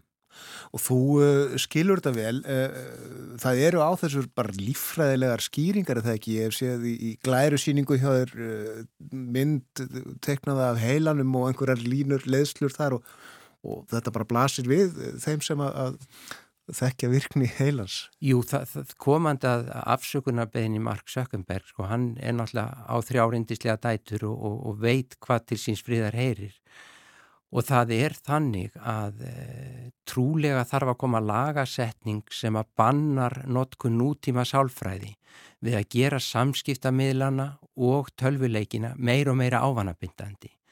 Og þetta eru alls konar triks sem eru notuð e, svona ákveðin endurgjöf sem að eigur notkunina og þarna sem sagt er, ég myndi segja að þetta væri ósiðleg notkun á nútíma sálfræði nema þá að þeir vari notendur við, að þeir sé að nota þessa tækni. Það er verið að leika á einhverju stöðvar heilans? Já, það er verið að leika á verlunabrautirnar okkar sem að liggja frá heilastofninum og fram til framheilans og, og seita dópamíni og valda velíðan eða sigurtilfinningu og það sem er svo merkilegt, þetta er stafran tækni sem er að hafa þessi áhrif á okkur, þetta eru nákvæmlega sem áhrifin og ávana og fíknefnin hafa á okkur. Sem miðla vel í þann og, og okkur líður vel og það ítir undir um, notkun. Já. Við eh, fullurna fólkið erum auðvitað ekkert í eh, ofgóðri stöðu mörg hver allavega til þess að gera eitthvað í þessu. Við erum með eh, síman okkar í vinstri hendinni að reyna að hrifsa með þeirri hægri síma að bönnunum okkar. Já, jú, það er akkurat það sem er og, og ég hef miklar áhyggjur af því að ef við lítum á sapgreiningar þá eru 7% fullorðina með það sem heitir á ennskunni Generalized Internet Addiction. Það er að segja, það er orðið notkun sem er komin úr böndum og farin að, að, að skerða færni og, og heilsu. Og það er 2,5% fullorðina með spilafík, tölvu spilafík. Það sem að ég hef svo miklar áhyggjur af að eins og með alla fíknisjúkdóma að þetta kemur svo nýður á börnunum okkar getið ímyndað ykkur þann veruleika ef að mamma og pappi eru alltaf í þessum tækjum og barni þarf aðtikli og það er endalist hvæst á barnið að því þeir að trubla og þessi skilabóð upplifi barnið sem höfnun. Það er ekki verið að sinna þörfum þess og Viktoria Dönklei er merk kona Vestanhafs sem hefur verið að vekja aðtikla á því að foreldrar sem að stilla nett notkunnsinn í hóf. Þau eru frábæra fyrirmyndir, þau sitja betur í sjálfum sér og þau mæta miklu betur þörfum barnana heldur en uh, annars væri. Og við verðum eins og, eins og nefnir, við verðum að muna að foreldrarnir við erum fyrirmyndir barnan okkar þannig að höfum okkar notkun skinsamlega þannig að börnin geti larta á okkur. Tölum um uh, það sem er til ráða. Þú uh, segir 15 ára aldurstakmark. Ég myndi segja að mér finnst það skinsamlegt miða við þar hættur sem eru til staðar. Að það eru, ég vil fólk haldið barnagirnd sem er að nýta þessa miðlega til að ná aðgangja saklusum og, og, og óhörnum börnum. Þannig að mér finnist 15 ára aldurstakmark skinsamlegra, heldur en 13 ég vil endilega að, að þessi öflugu fyrirtæki eins og Meta og fleiri þau, og, og TikTok þau sannreini aldur barnana áður en þau hleypaði minna á, á, á vefslóður sínar. Nú ég mér finnst líka að framleiðendur skjátækjana þurfa að koma upp með tæki sem eru örugari fyrir börnin okkar ónglingarna ef ég leti 5-6 ára dreng fyrir framann e, snjálfsíman minn þá finnst mér það eins og að setja hann undir stýrið á mústang hann hefur ekki forsendur svona ungur til að vara sig á þeim hættum sem þarna eru og ég sé þessi frábæru tæki snjálfsíman í dag, ég sé þau núna gagvart börnum og úlingum eins og fólksbílinn þegar hann kom fyrst á markað.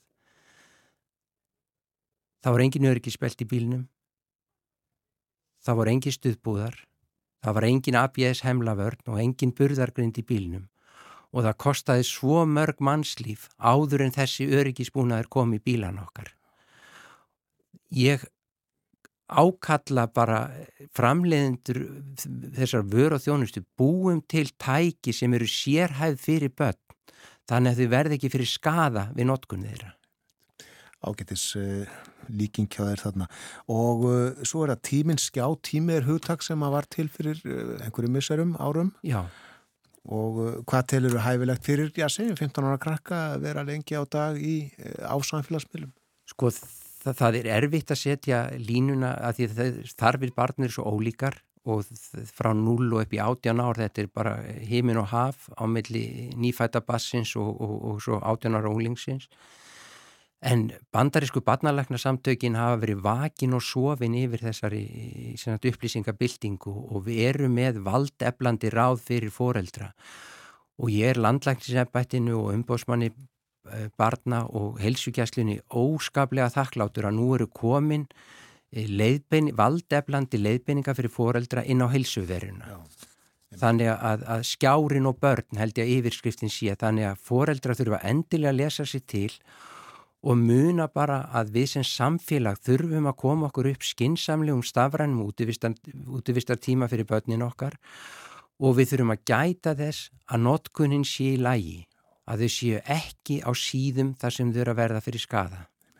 Og þetta þarf að gerast á heimilunum auðvitað? Jú, þetta gerist á heimilunum. Það við sjáum líka skólanir eru orðinir mjög meðvitar um trublandi áhrif þessara tækja þannig að það eru komni skóla sem banna bara þessi tæki og og þetta er stórkosli tækni en hún er svo öflug að við þurfum að koma böndum á hana svo við hámörkum gagsemina og lámörkum skadan.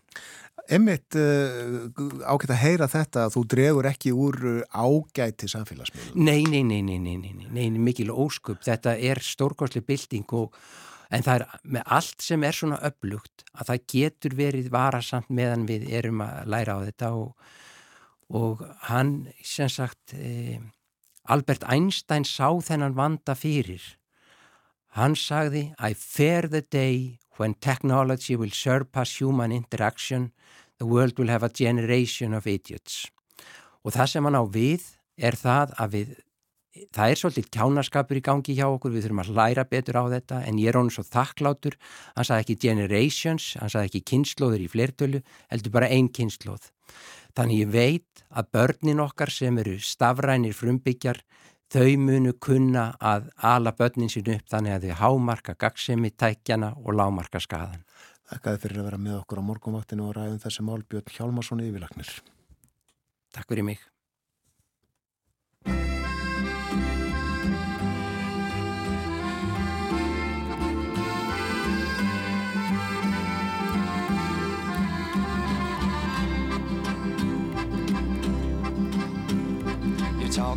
Like Marlene Dietrich, and you dance like Zizi Jeanmaire. Your clothes are all made by Balmain, and there's diamonds and pearls in your hair. Yes, there are. You live in a fancy apartment off the boulevard Saint Michel, where you keep your Rolling Stones records and a friend of Sasha Distel, yes you do.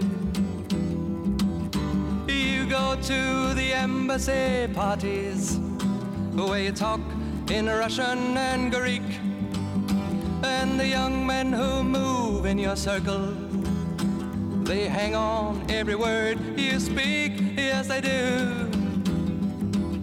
But where do you go to, my lovely? When you're alone in your bed. Tell me the thoughts that surround you. I want to look inside your head, yes, I do.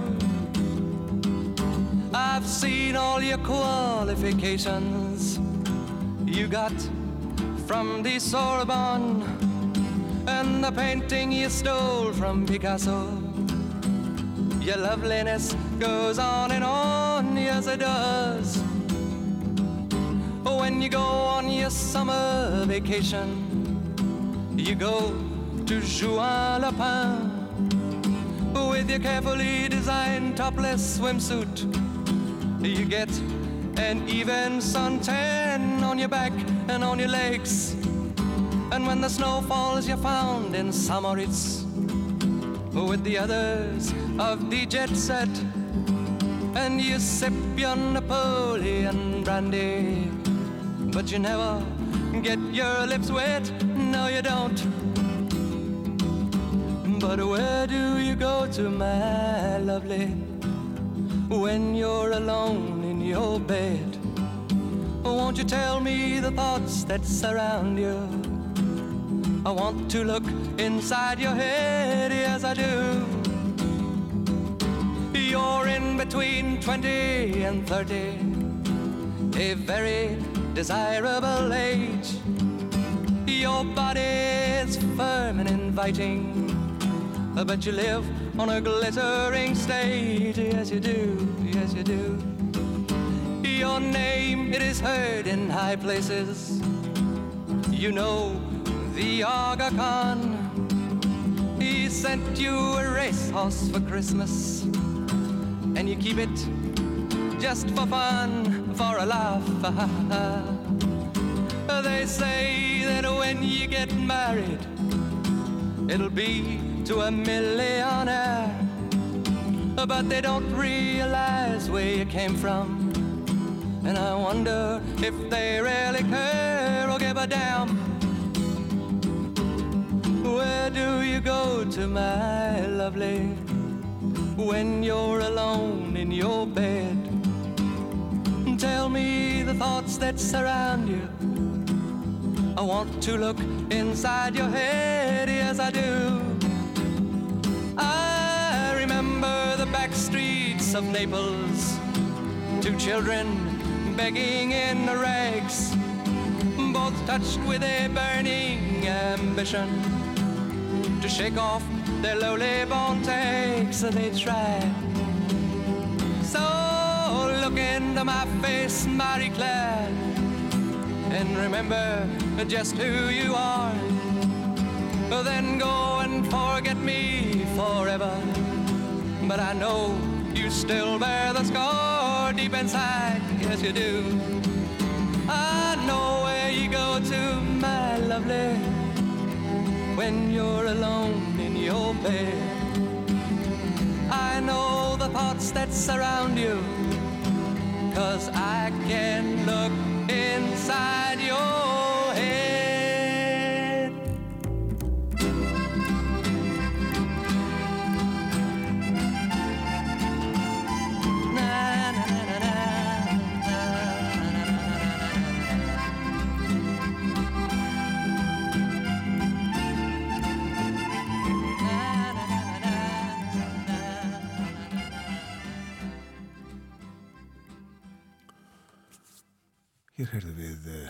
Sastet flytja lag sem að uh, er nokkuð langan titil Where did you go to my lovely? Jæja, við erum nú séð á lengri. Já, um, lagið kom út árið 1969 og uh, það er, eru tilvísanir í fjölmarka uh, bæði frækt fólk og staði uh, talið upp ímislegt. Það eru tvennskonar tekstar, það er tvær útgáfur til að þessu lagi um, með ólíkum tekstum en þarna er talað um, já, meðal annars Marlene Dietrich, eh, Balmain, Sorbonne háskólan, Picasso, eh, Juan Lapin sem er eh, lítill strandstæður á fransku revjörunni og það er svona máluð upp eh, mynd af Fraklandi á þessum tíma, eh, kannski ekki síst, franskri menningu svona yfirstjætta. En þetta var síðasta atriðið í eh, handriti morgunvaktarinnar þennan mánudags morgunin. Við höfum verið hér frá því snemma í morgun, Björn Þór og Þórun Elisabeth. Verðum það aftur í fyrramálið. Bjóðum góðan dag þegar klukkunum vantar tíu mínútur í sjö. þökkum samfélgina í dag. Kanski minnum á það að í fyrramálið er á dagskráni spjallum efnahag og samfélag og líka Berlínar spjall. Fasti liðir á þriðutugum. Minnum á að uh, það verður kallt víða um land í dag og uh, næstu dag við mælum með uh, góðri peysu, þykri, yfirhöfnu, húðu, drefli og vellingum. Já, og kannski vefsíðunni umferðin.is líka að borga sig að fylgjast með ferðinni. Útlitt fyrir að hún versni. Njótið dagsins og verðið sæl.